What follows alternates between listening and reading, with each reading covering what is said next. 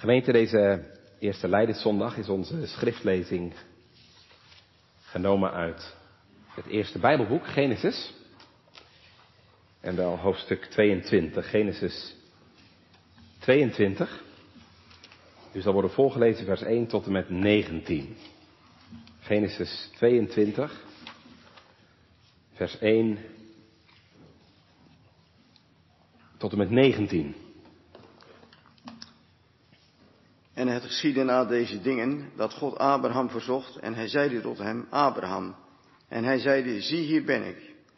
En hij zeide, neem nu uw zoon, uw enige die gij lief hebt, Isaac, en ga heen naar het land Moria, en offer hem al daar tot een brandoffer op een van de bergen die ik u zeggen zal.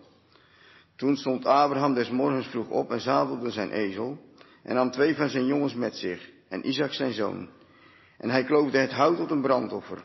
En hij maakte zich op en ging naar de plaats die hem God gezegd had. Aan de derde dag, toen hief Abraham zijn ogen op en zag die plaats van verre. En Abraham zeide tot zijn jongens, blijf gij hier met een ezel, en ik en de jongen zullen heen gaan tot daar. Als wij aan, aangebeden zullen hebben, dan zullen wij tot u wederkeren. En Abraham nam het hout des brandoffers en legde het op Isaac, zijn zoon, en nam het vuur en het mes in zijn hand. En zij beiden gingen tezamen. Toen sprak Isaac tot Abraham zijn vader en zeide, mijn vader. En hij zeide, zie, hier ben ik, mijn zoon. En hij zeide, zie het vuur en het hout, maar waar is het lam tot het brandoffer? En Abraham zeide, God zal zichzelf een lam ten brandoffer voorzien, mijn zoon. Zo gingen zij beiden tezamen. En zij kwamen ter plaatse die hem God gezegd had. En Abraham bouwde al daar een altaar en hij schikte het hout en bond zijn zoon Isaac en legde hem op het altaar bovenop het hout. En Abraham strekte zijn hand uit en nam het mes om zijn zoon te slachten. Maar de engel des Heeren riep tot hem van den hemel en zeide, Abraham, Abraham. En hij zeide, zie, hier ben ik. Toen zeide hij, strek uw hand niet uit naar de jongen en doe hem niets. Want nu weet ik dat gij Godvrezende zijt en uw zoon, uw enige, van mij niet hebt onthouden. Toen hief Abraham zijn ogen op en zag om, en zie, achter was een ram in, de verwarde struiden vast met zijn hoornen. En Abraham ging en nam die ram en offerde hem ten brandoffer in zijn zoons plaats. En Abraham noemde de naam voor die plaats, de Heere zal het voorzien. Waarom heden ten dagen gezegd wordt, op den berg des Heeren zal het voorzien worden. Toen riep de engel des Heeren tot Abraham ten tweede male van den hemel, en hij zeide, ik zweer bij mijzelf, spreekt de Heere, daarom dat gij deze zaak gedaan hebt en uw zoon, uw enige, niet onthouden hebt, voorzeker zal ik u grotelijks zegenen en uw zaad zeer vermenigvuldigen als de sterren des hemels en als het zand dat aan de oever der zee is, en uw zaad zal de poort zijn de vijanden erfelijk bezitten. En in uw zaad zullen gezegend worden alle volken der aarde, naardien gij mijn stem gehoorzaam geweest zijt. Toen keerde Abraham weder tot zijn jongens en ze maakten zich op en ze gingen samen naar Berseba en Abraham woonde te Berseba.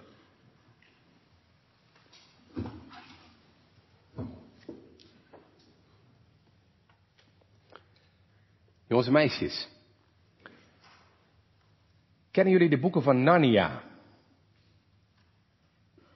Mijn kinderen lezen ze heel graag. En ik zou zeggen, als je ze nog nooit gelezen hebt, moet je dat zeker eens doen. Want ze zijn niet alleen maar heel spannend, maar ook heel mooi. Want als je die boeken goed leest, kom je ook de Heer Jezus tegen. Dat was althans wel de bedoeling van C.S. Lewis toen hij deze boeken schreef. Nou, als jij die boeken gelezen hebt, dan ken je vast wel dat verhaal van Edmund. Edmund heeft Eslen verraden. De heks heeft hem gevangen genomen. En nu is Edmund voor haar. Dat is het beeld, jongens en meisjes, gemeente van ons mensen.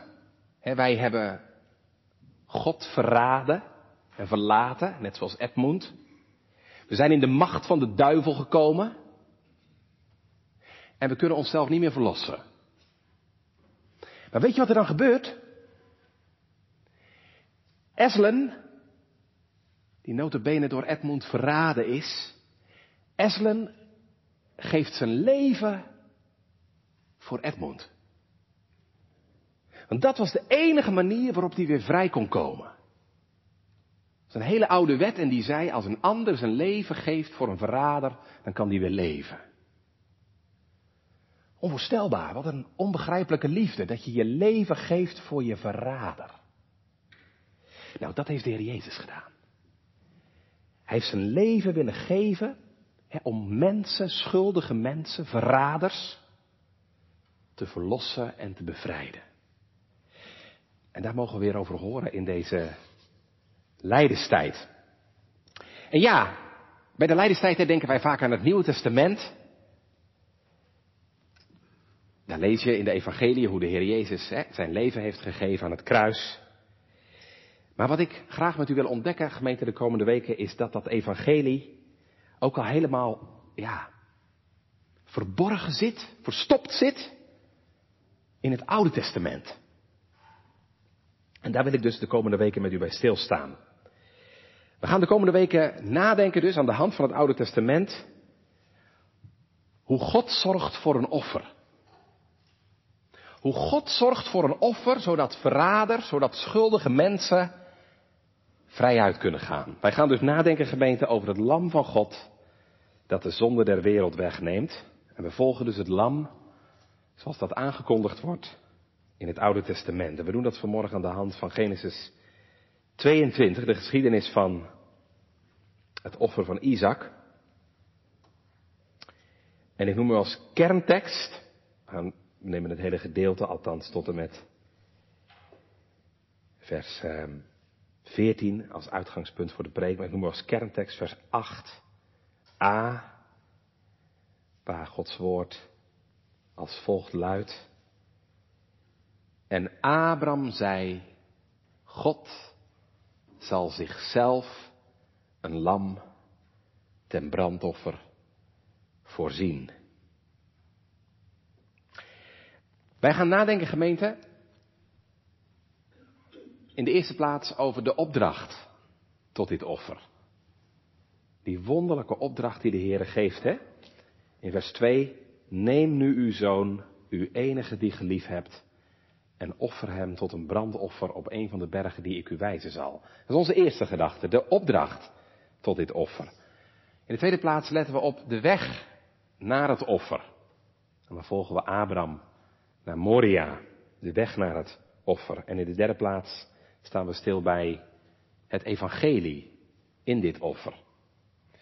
Dus de opdracht tot het offer, de weg naar het offer en het evangelie in dit offer.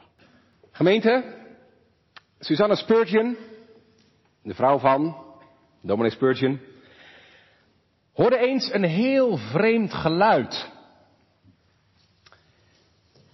Ze zat in de huiskamer en ze hoorde ineens zachte muziek. Klonk heel mooi, heel melodieus. Zoals het zingen ongeveer van een vogel. Keek verbaasd om zich heen, want er was nergens een vogel te bekennen. Waar kwam dat geluid nou vandaan? Totdat haar vriendin zei, het komt uit de haard. En inderdaad, het kwam uit de haard. In dat vuur lag een heel groot stuk eikenhout te branden. En blijkbaar onder invloed van dat vuur kwam, ja, van binnenuit dat houtblok die prachtige melodie. Gemeente, daar moest ik aan denken toen ik vanmorgen, toen ik afgelopen week deze geschiedenis overdacht en voorbereidde. Abraham ligt onder vuur. Het vuur van de beproeving.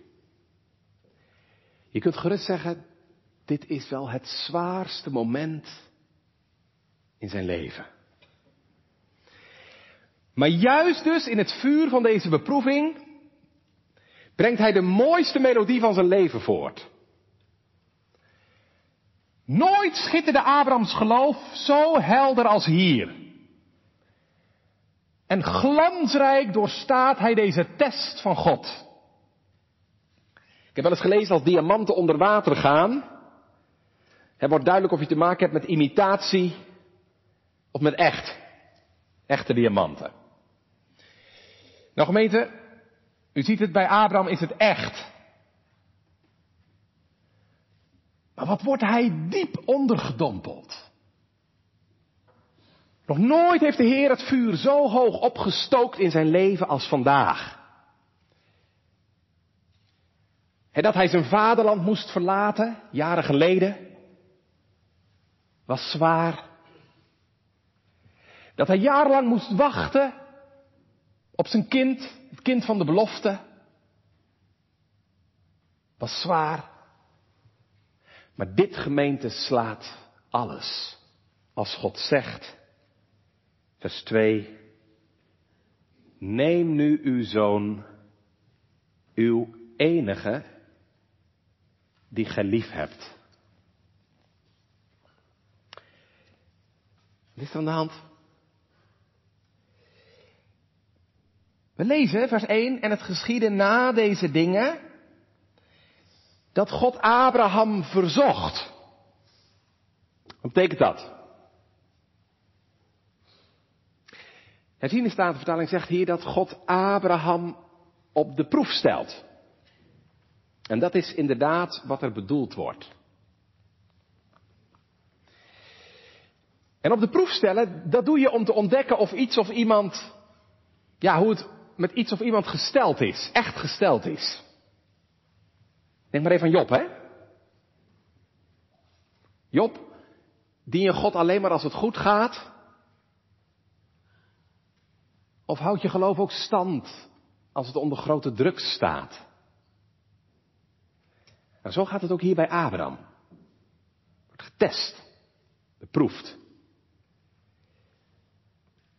En in mindere mate geldt dat denk ik gemeente voor elk kind van God, voor iedereen die de Heer vreest. Kijk, God dienen als de zon schijnt is niet zo moeilijk. Maar ben je er ook nog als er tegenslagen komen? Ben je er ook nog als je man bij je weggaat? Ben je er ook nog als je gezondheid wordt aangetast? Ben je er ook nog als de Heer je dompelt in een diepe depressie? Je voelt gewoon, dan gaat dat spannen, hè? Dan wordt pas echt zichtbaar wat je geloof voorstelt. Of niet?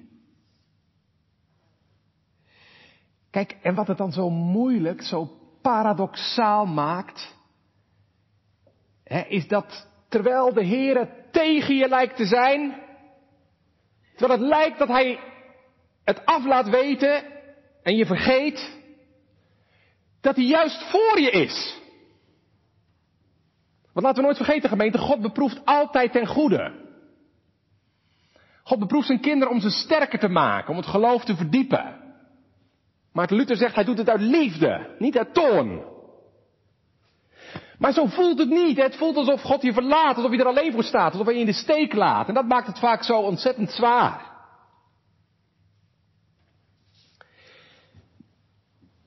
En ik denk dat je gerust kunt zeggen, van alle beproevingen die God gebruikt, zijn de moeilijkste wel die je kinderen betreffen. Die je kinderen betreffen. Nou, dat heeft Abraham ook ervaren. Want de Heere zegt, lees even mee vers 2, neem nu uw zoon, uw enige, die je lief hebt, Isaac. Waarom niet gelijk Isaac? Waarom al die woorden de volgende? Het lijkt wel alsof God Abraham het erin wrijft. Ziet u dat? Je zoon, je enige, er is geen andere, Ismaël is al weg, hè? Die je lief hebt. Kind waar hij dol op is. Het lijken wel dolkstoten, gemeente. En u ziet, er is geen ontkomen aan, hè? Het is niet een vraag, Abraham, zou je misschien er zo over na... Nee. Het is een regelrecht bevel. Een opdracht van de Allerhoogste. Neem nu uw zoon. Wat een onmogelijke opdracht, gemeente. Emotioneel, theologisch en moreel onmogelijk. Emotioneel onmogelijk. Je kind notabene. En dan wat voor een kind? Het kind waarop ze 25 jaar hebben moeten wachten. Hoe kun je Sarah ooit nog onder ogen komen? Door haar enige kind op te offeren. En gemeente ook theologisch gezien is het onmogelijk. Want ik zei al, dit is het kind van de belofte. Uit dit kind moet Israël geboren worden. Uit dit kind moet straks de Messias geboren worden. Door dit kind, lazen we net, moet straks de wereld gezegend worden. In uw zaad zullen alle geslachten van de aarde gezegend worden. Hoe kan dat ooit doorgaan als dit kind sterft? De toekomst van de wereldgemeente hangt aan dit ene kind. Ik las ergens. Al de beloften van God hangen aan Isaac. Dus wanneer God Abraham zegt zijn zoon als brandoffer te offeren, vraagt God dus Abraham zijn hoop voor de toekomst te doden. Met Isaac gemeente gaat heel Abrahams toekomst de dood in. Emotioneel onmogelijk, theologisch onmogelijk. En bovendien gemeente, dit kan toch helemaal niet? Ik bedoel, hoe kon God die nota bene het doden verbiedt? Gij zult niet, we hebben net nog gehoord. Gehoord uit de wet. Gij zult niet doden. Hoe kan die God je opdracht geven je eigen kind te doden, nota bene? Dat is niet alleen maar theologisch, maar dat is ook moreel verwerpelijk. Kinderen vragen, kinderen offeren, dat deden de heidevolken. Dat deden de afgoden van de heidevolken. Maar dat doet de levende God toch niet, gemeente? Dat doet de God van Israël toch niet? Zou er, zou er geen stemmetje in Abraham geklonken hebben? Joh, Abraham, dit is niet van God. Kan niet. Nee. Nee, zo'n stemmetje klonk er niet. Er is geen spoortje twijfelgemeente bij Abraham dat dit van God is.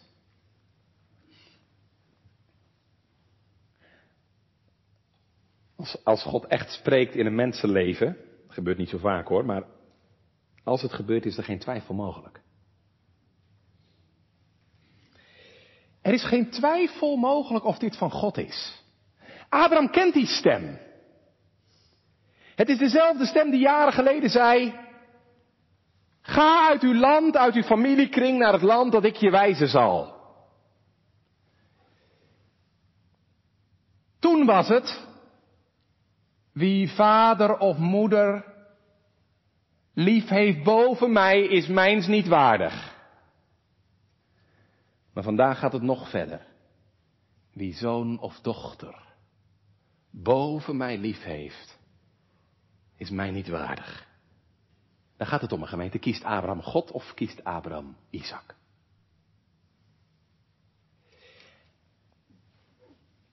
Kort samengevat, gemeente, waar het hier om gaat is. Gelooft Abraham de Heer? Gelooft Abraham dat God ook zijn belofte vervullen kan? Zelfs wanneer het lijkt dat hij de hoop van deze belofte, Isaac, de dood injaagt. En wij zullen zien, gemeente vanmorgen, Abraham gelooft dat inderdaad. Abraham gelooft inderdaad dat God zijn belofte kan vervullen, als hij zelfs de hoop op de vervulling van die belofte de dood injaagt. Snapt u nou waarom hij heet de vader der gelovigen? Onvoorstelbaar, hè? Deze man die soms ook zo getwijfeld heeft. Deze man die soms ook zo eigenmachtig en berekend zijn te werk ging. Hier zien we gemeente Genesis 22 een gerijpt geloof. Een geloof dat tegen hoop op hoop zich aan God vastklampt. Ook wanneer het oog niet ziet en jij het niet meer bekijken kunt.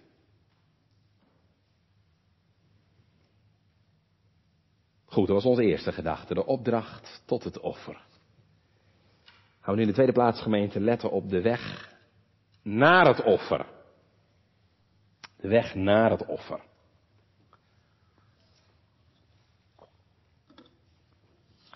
Ja, ik zei al, Abraham gehoorzaamt de Here. Het is geen enkele twijfel, zei ik, hè? Geen enkele twijfel of dit van God is. Abraham worstelt niet met God zoals Mozes dat later doet, hè? Heer, kan het misschien toch niet anders? Stelt ook geen waarom vragen. Heer, waarom gebeurt dit? Hij gehoorzaamt. Want we lezen vers 3. Toen stond Abraham s morgens vroeg op. En hij maakt alles gereed voor vertrek. Een ezel, twee knechten die meegaan. Hout natuurlijk ook voor het offer, want ja, je weet niet of er daar wel hout is. En ja, natuurlijk, Isaac.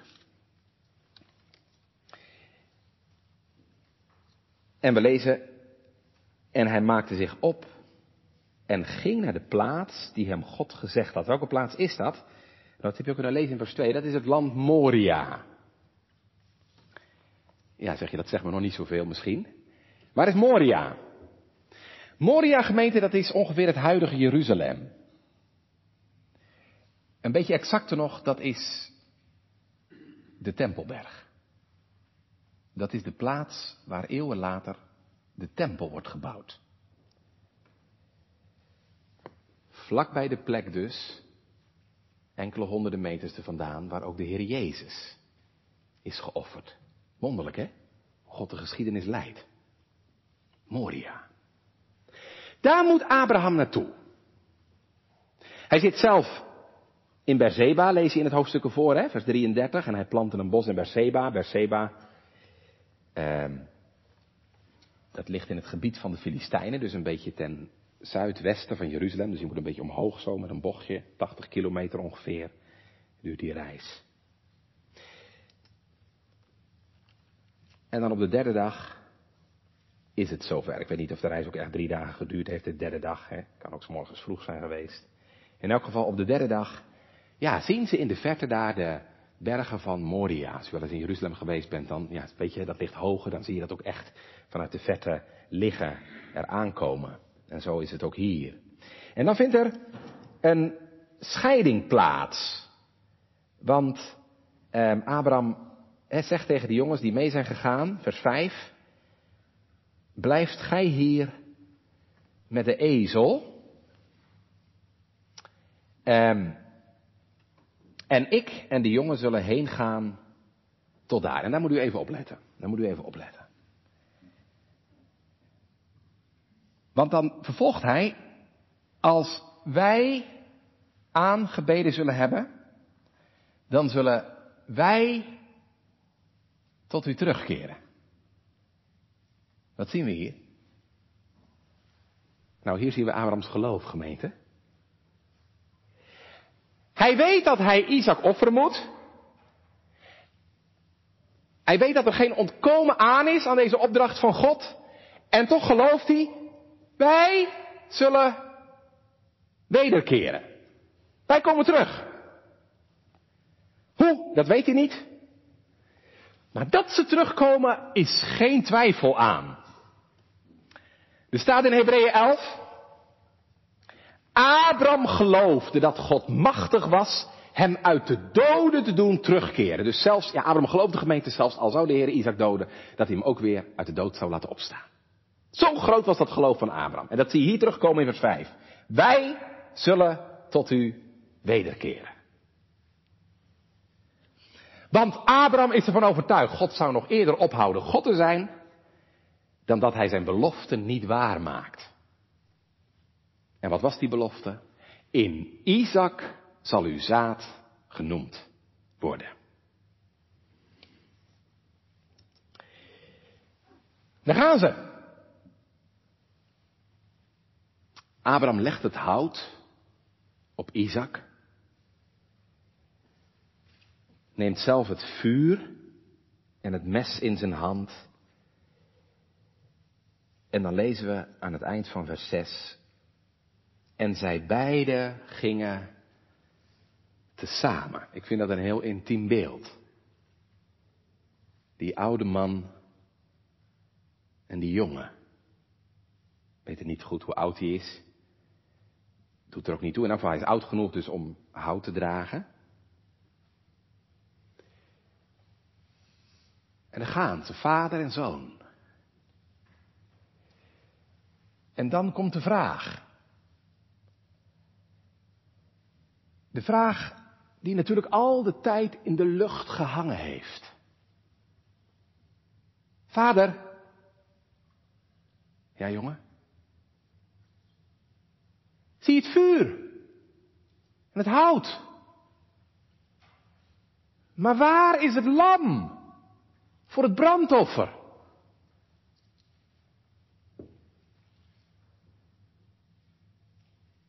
Daar zal God voor zorgen, mijn jongen.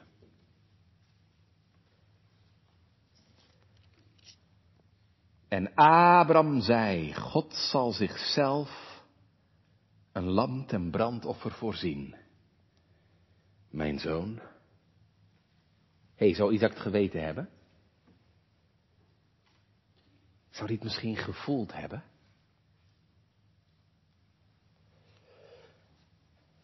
En dan komen ze op de plaats die de Heere gezegd had, vers 9. Abraham legt de steen op elkaar, bouwt een altaar, schikt het hout, neemt het kind, neemt zijn kind, bindt zijn handen en zijn voeten zoals hij dat doet bij een schaap of een ram of een rund? En legt hem uitgestrekt op het hout.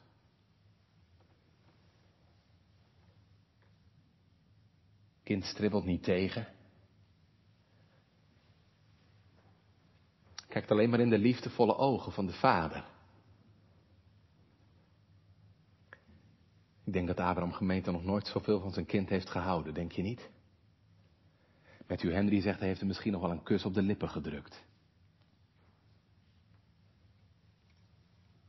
En dan komt dat moment, dat vreselijke, ongelooflijke moment dat het mes omhoog gaat. Klaar om toe te stoten. Abrams lieveling.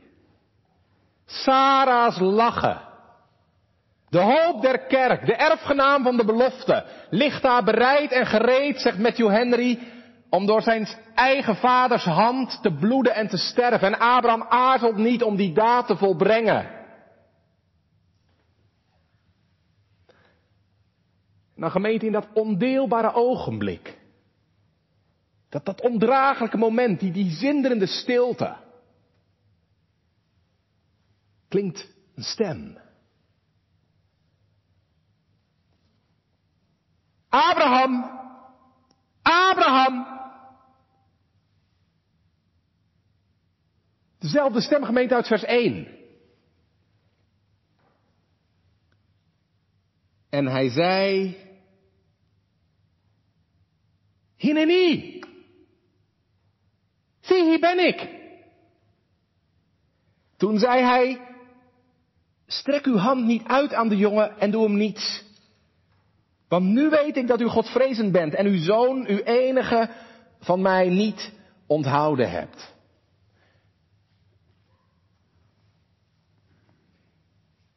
Abraham is er door. Glansrijk. Glansrijk heeft hij de test doorstaan. Hij heeft God liever dan zijn kind. Of ik kan beter zeggen, hij heeft God liever dan zichzelf. Want je kind, dat ben je zelf.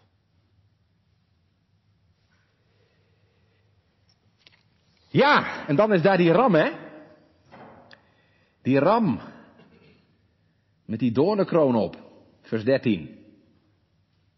Hij zit vast in de doornen. Toen hief Abraham zijn ogen op en zag om en zie achter was een ram. In de verwarde struiken, vast met zijn hoornen, takken, doornen op zijn kop. De ram in de plaats van Isaac. En Abraham ging en nam die ram en offerde hem ten brandoffer in zijn zoons plaats. En nu de vraag, gemeente, waarom staat dit in de Bijbel? Natuurlijk, om ons iets te laten zien van de geloofskracht van Abraham. Maar dat is het natuurlijk niet alleen. Dit staat niet alleen maar in de Bijbelgemeente om ons de geloofskracht van Abraham te laten zien. Dit staat er ook in om ons iets anders te laten zien. En soms lichten er in de Bijbel soms dingen op gemeenten die een andere duiding hebben. Kent u die plaatjes? Heb je vast wel eens gezien, hè? Je hebt van die plaatjes. Dan zie je een afbeelding op. Ik, ik herinner me zo'n plaatje van zo'n oude vrouw. Maar als je dan goed kijkt, zie je ineens wat anders. Prinses, of zo, hè? Een, een, een ander plaatje. Door dat ene plaatje heen. De gemeenschap met de Bijbel ook. Diep verscholen in de Bijbel, diep verscholen in het Oude Testament, ligt soms een ander plaatje op. Van een vader en een zoon. En een lam ten brandoffer. Het lam van God. Petrus zegt, eeuwen later, in 1 Petrus 1, dat de profeten, en daar hoort Mozes ook bij, de schrijvers van het Oude Testament, getuigd hebben van het lijden van Christus, het lijden dat op Christus komen zou en van de heerlijkheid die daarna zou volgen. Daar hebben ze schrijvers van het Oude Testament al van getuigd. En als u vanmorgen goed kijkt in Genesis 22, dan ziet u hier een plaatje van een andere vader en een andere zoon. Samen op weg naar het altaar. Kijkt u even mee? Gaan naar onze derde gedachte. En letten we op het evangelie in dit offer. Ik ga nog even terug naar vers 6 en vers 8, het laatste stukje. Zo gingen die beiden tezamen. Kijk, daar gaan gemeente. In volmaakte harmonie. De vader en de zoon. Het is niet alleen de vader die gewillig is zijn zoon te geven. Het is niet alleen de zoon die gewillig is zijn leven te geven. Nee, en zij beiden gingen tezamen. In de stilte van de eeuwigheid, nog voordat de wereld er was, zijn ze er samen uitgekomen, vader en zoon. Jij moet gaan. Mijn zoon? Ja, vader. Ik zal gaan. Mijn ziel u opgedragen, wil u alleen behagen, mijn liefde en ijver brandt. Ziet u het? Zo gingen die beiden samen.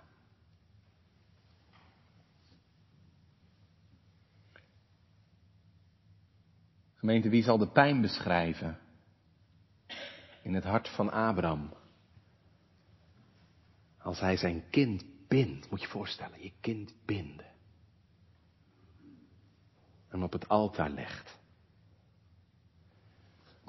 Hoeveel tranen zouden er op Isaac gedrupt hebben?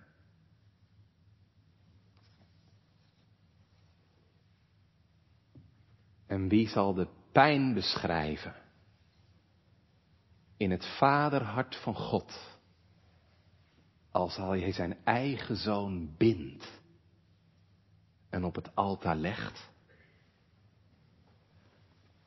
Hoeveel tranen hebben er op het kind gedrupt? En toch, hij heeft zijn zoon, zijn enige, niet onthouden.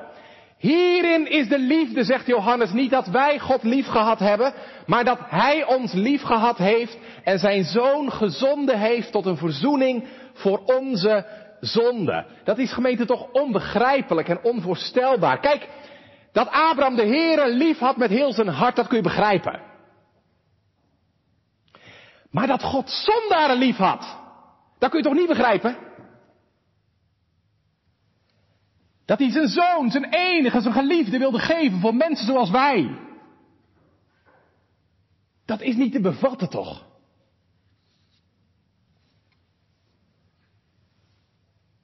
Ik moet even denken aan dat verhaal van dominee Kieviet.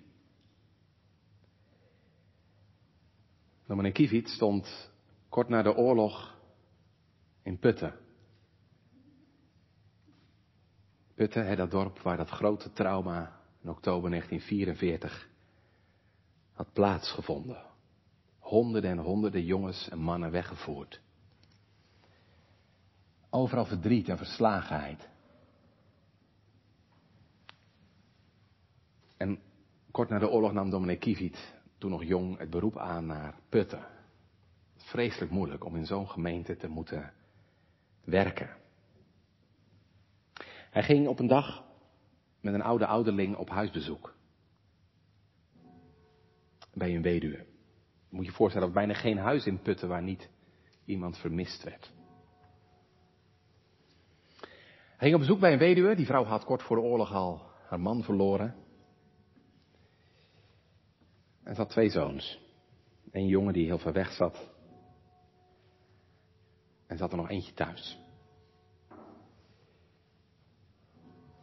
En op de dag van de razzia had de jongen zich verstopt in een ruimte onder het huis. Een kleed overheen, over dat luik. Maar de Duitsers hadden een ultimatum gesteld. Als de daders van de aanslag op generaal Rauter zich niet zouden melden, zou heel Putten verbrand worden. Dus zijn moeder zei, joh, ga je toch maar melden. Nu, nu kan het nog. Maar die jongen vertrouwde het niet. Jawel, zei zijn moeder, doe nou maar, want als het dorp in brand gestoken wordt, ben je zeker slachtoffer. Ze zei tegen dominee Kievi, dominee, ik heb hem er bijna uit moeten trekken uit het luik. Nooit meer gezien. Wat zeg je dan als dominee? Nou ja, dominee Kieviet zei wat. Och man, zei ze. Jij bent nog zo jong. Je hebt niks meegemaakt.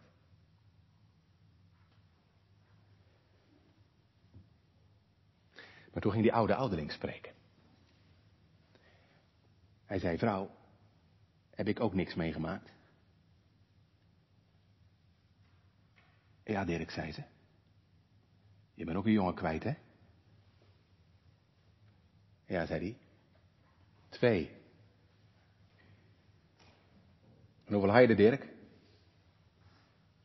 Twee. Oh Dirk, dat is haast nog erger. Twee jongens en twee kwiet. Kun je dat maar riepen? Waarop hij zei, God had één jongen. En hij wilde hem kwijt. Voor u en voor mij. Kun je dat begrijpen? En die vrouw die nog nooit had kunnen huilen, al die tijd. Een jaar later nog niet. Begon zo te huilen. Zei Dirk, daar had ik nog niet aan gedacht. God had één jongen. En hij wilde hem kwijt, gemeente. Voor u en voor mij. God bevestigt zijn liefde jegens ons, zegt Paulus, dat Christus voor ons gestorven is toen wij nog zondaars waren. Je zegt, maar waarom dan? Waarom zo'n vreselijk offer?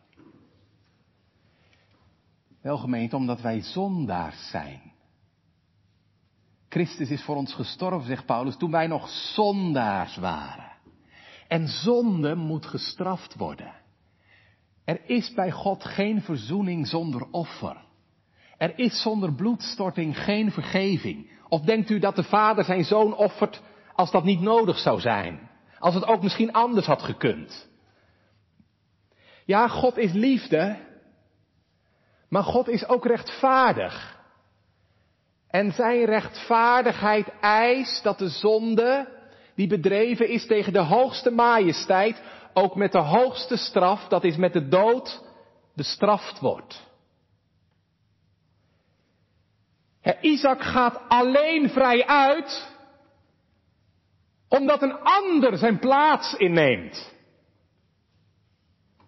En jij gaat alleen vrij uit, als er een lam is dat jouw plaats inneemt.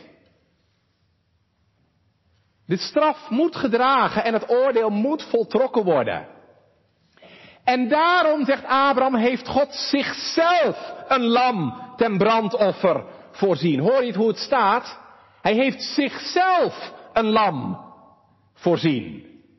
Jezus is het lam van God. Ja, voor ons ook, maar in de eerste plaats het lam van God. Geen verzoening zonder voldoening.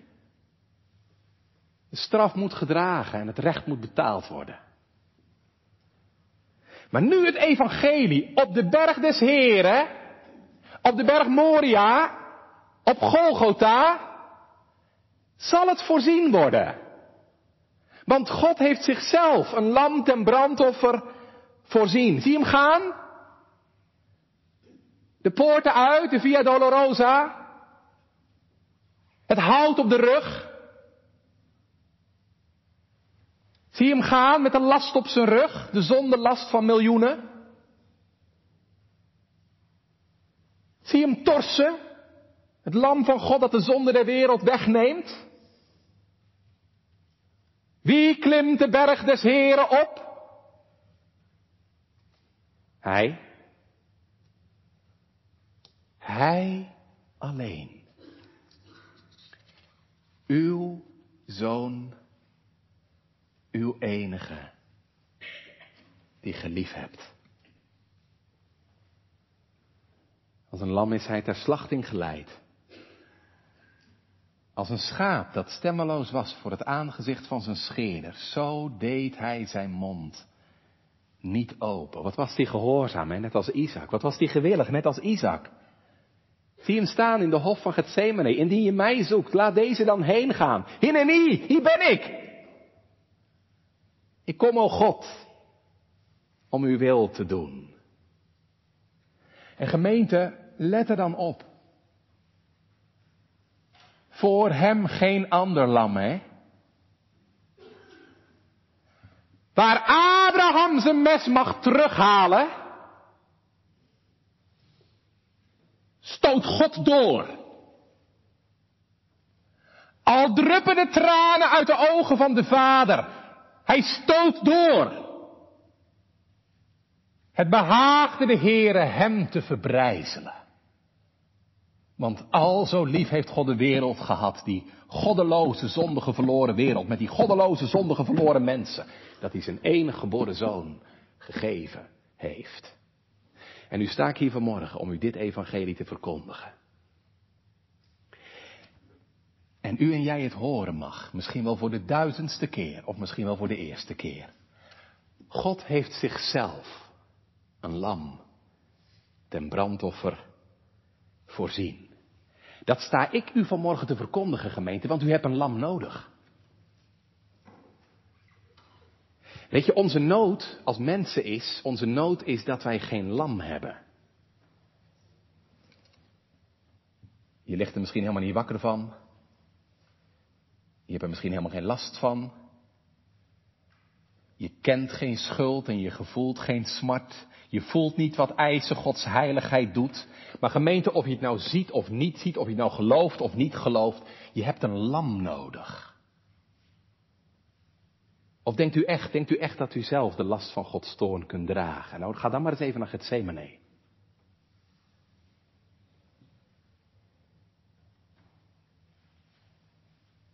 Daar zie je dit volmaakte, zondeloze lam, dit geliefde kind van God. Kruip op de grond. Denk je echt dat je dat kunt doorstaan?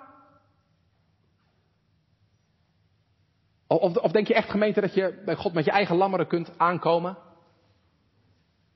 Mijn lammeren van schuldbesef, van berouw, mijn bekeringspogingen. Nee gemeente, daar neemt God geen genoegen mee. Hoe belangrijk dat natuurlijk allemaal ook is. U hoorde David toch zeggen, geen offer kan voor mijn zonde gelden. Alleen dit offer kan uw heilig oog behagen. Alleen een volmaakt, gaaf lam. Het lam dat God zichzelf ten brandoffer heeft voorzien. En dat is het evangelie, gemeente, dat ik u vanmorgen weer mag verkondigen. God heeft zichzelf een lam ten brandoffer voorzien. En dan heb ik maar één vraag eigenlijk vanmorgen. Hele eenvoudige vraag, maar ik leg hem wel allemaal aan uw hart. Eén vraag. Wat doet u met dit lam? Wat doe jij met dit lam? Lieve gemeente, waar is het lam in je leven? Kent u het lam? Hebt u het lam? Ik vraag u dat vanmorgen gemeente, want er komt een dag dat God het aan u vragen zal. Ja, er komt een dag dat God aan je vragen zal. Waar is het lam?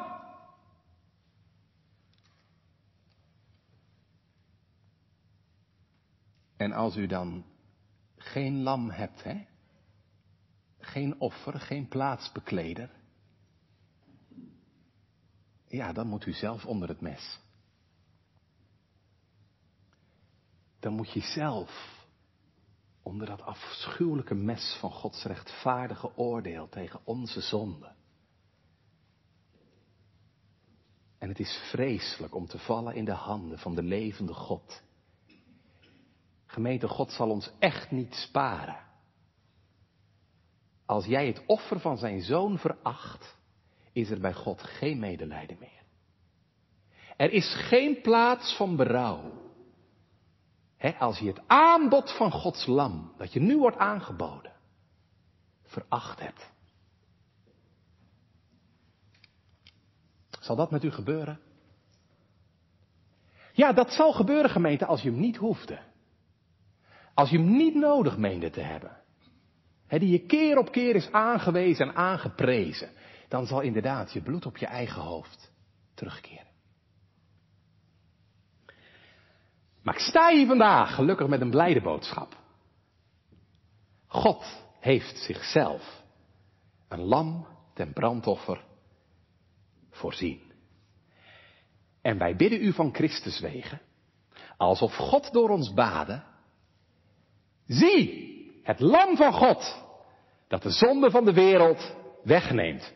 En ik mag u zeggen, er is kracht, kracht genoeg in zijn bloed om jou, om u te reinigen. Het vorige week gehoord, hè? De vrouw die een zondares was. Weet je dat ook? Zondaar, zondares. Oh, zie dan het lam van God. De moordenaar die naast hem hing. Manasse. Ze zijn alle gereinigd in zijn bloed. Waarom jij niet? Waarom u niet? Spurgeon zegt, er is genoeg in Christus voor elke zondaar die verlangt naar verlossing. Onthoud dat. Er is genoeg in Christus voor elke zondaar die verlangt naar verlossing. Jij zegt, dat geloof ik dominee. Wat moet ik dan doen? Nou, denk eens mee. Wat moest een schuldbewuste Israëliet doen als die kwam met zijn lam, hè? als hij met zijn lam naar de tempel of naar de tabernakel ging? Als hij gezondigd had, wat moest hij dan doen? Dan moest hij zijn handen leggen op dat dier. Hij moest zijn schuld leggen op dat lam. Als u wilt leven, als u verlost wil worden van uw zondeschuld, als u bevrijd wil worden van het rechtvaardige oordeel van God, moet je dat ook doen. Maak gebruik van het lam. Leg je handen op hem. En geloof dat hij bij machten is en gewillig is om je zondelast te dragen. Als het ware met heel je gewicht mag je op dat lam leunen, gemeente. En wees dan tevreden met het lam. U hoeft helemaal niks te doen. Ik zei, wat moet je doen? Eigenlijk moet je niks doen. De ellende is vaak dat we zo vaak zoveel willen doen. Hij heeft het gedaan. U hoeft alleen gebruik te maken van het lam. En tevreden leren zijn met het lam. En dan is God tevreden met u. Zo zondig en schuldig als je bent. En als je dat al gedaan hebt. Nou. Kijk dan vanmorgen nog even naar Isaac. En zie wat uw deel is. U bent vrij. Ja, net zo vrij als Isaac. Zover het west verwijderd is van het oosten, zover heeft hij om uw ziel te troosten van u uw schuld en zonde weggedaan. Kijk naar Isaac en zie wat je deel is. Daar lag je. Heb je jezelf zo wel eens gezien? Daar lag je klaar om te sterven. Het is ook belangrijk dat je dat ook inziet, gemeente. Het rechtvaardig oordeel van God was op je. En dat heb je rechtvaardig ook verdiend. Maar hij lag daar. In jouw plaats. Er was een lam voor je. Dat u verlost heeft van de dood en het oordeel. En nu mag u vrij uit. Bevrijd door het leven, opdat gij verkondigen zou de deugden van Hem, die u uit de duisternis geroepen heeft tot zijn wonderbaar licht. Verlost, zegt Petrus, door het dierbaar bloed van Christus als van een onbestraffelijk en onbevlekt lam. En als u nou vraagt, wat moet ik doen? Wat moet ik doen met het lam? Leg steeds weer, elke dag, je zonde op het lam. Maak dagelijks gebruik van het lam. Ik denk aan die oude vriend van mij, is vorig jaar overleden, die ouderling in Oosterwolde. Binnenkwam. Dat bordje aan de muur. Op het godslam rust mijn zielen. Daar gaat het om. Op het godslam rust mijn zielen. Je dagelijks op hem rust. Dagelijks van hem gebruik maakt. Tevreden bent met het lam. En boven alles Prijs het lam. Zoals da Costa deed. Halleluja. Lof zij het lam. Dat onze zonde op zich nam. Wiens bloed ons heeft geheiligd. Die dood geweest is en weer leeft. En het volk dat hij ontzondigd heeft. In eeuwigheid beveiligd. Amen.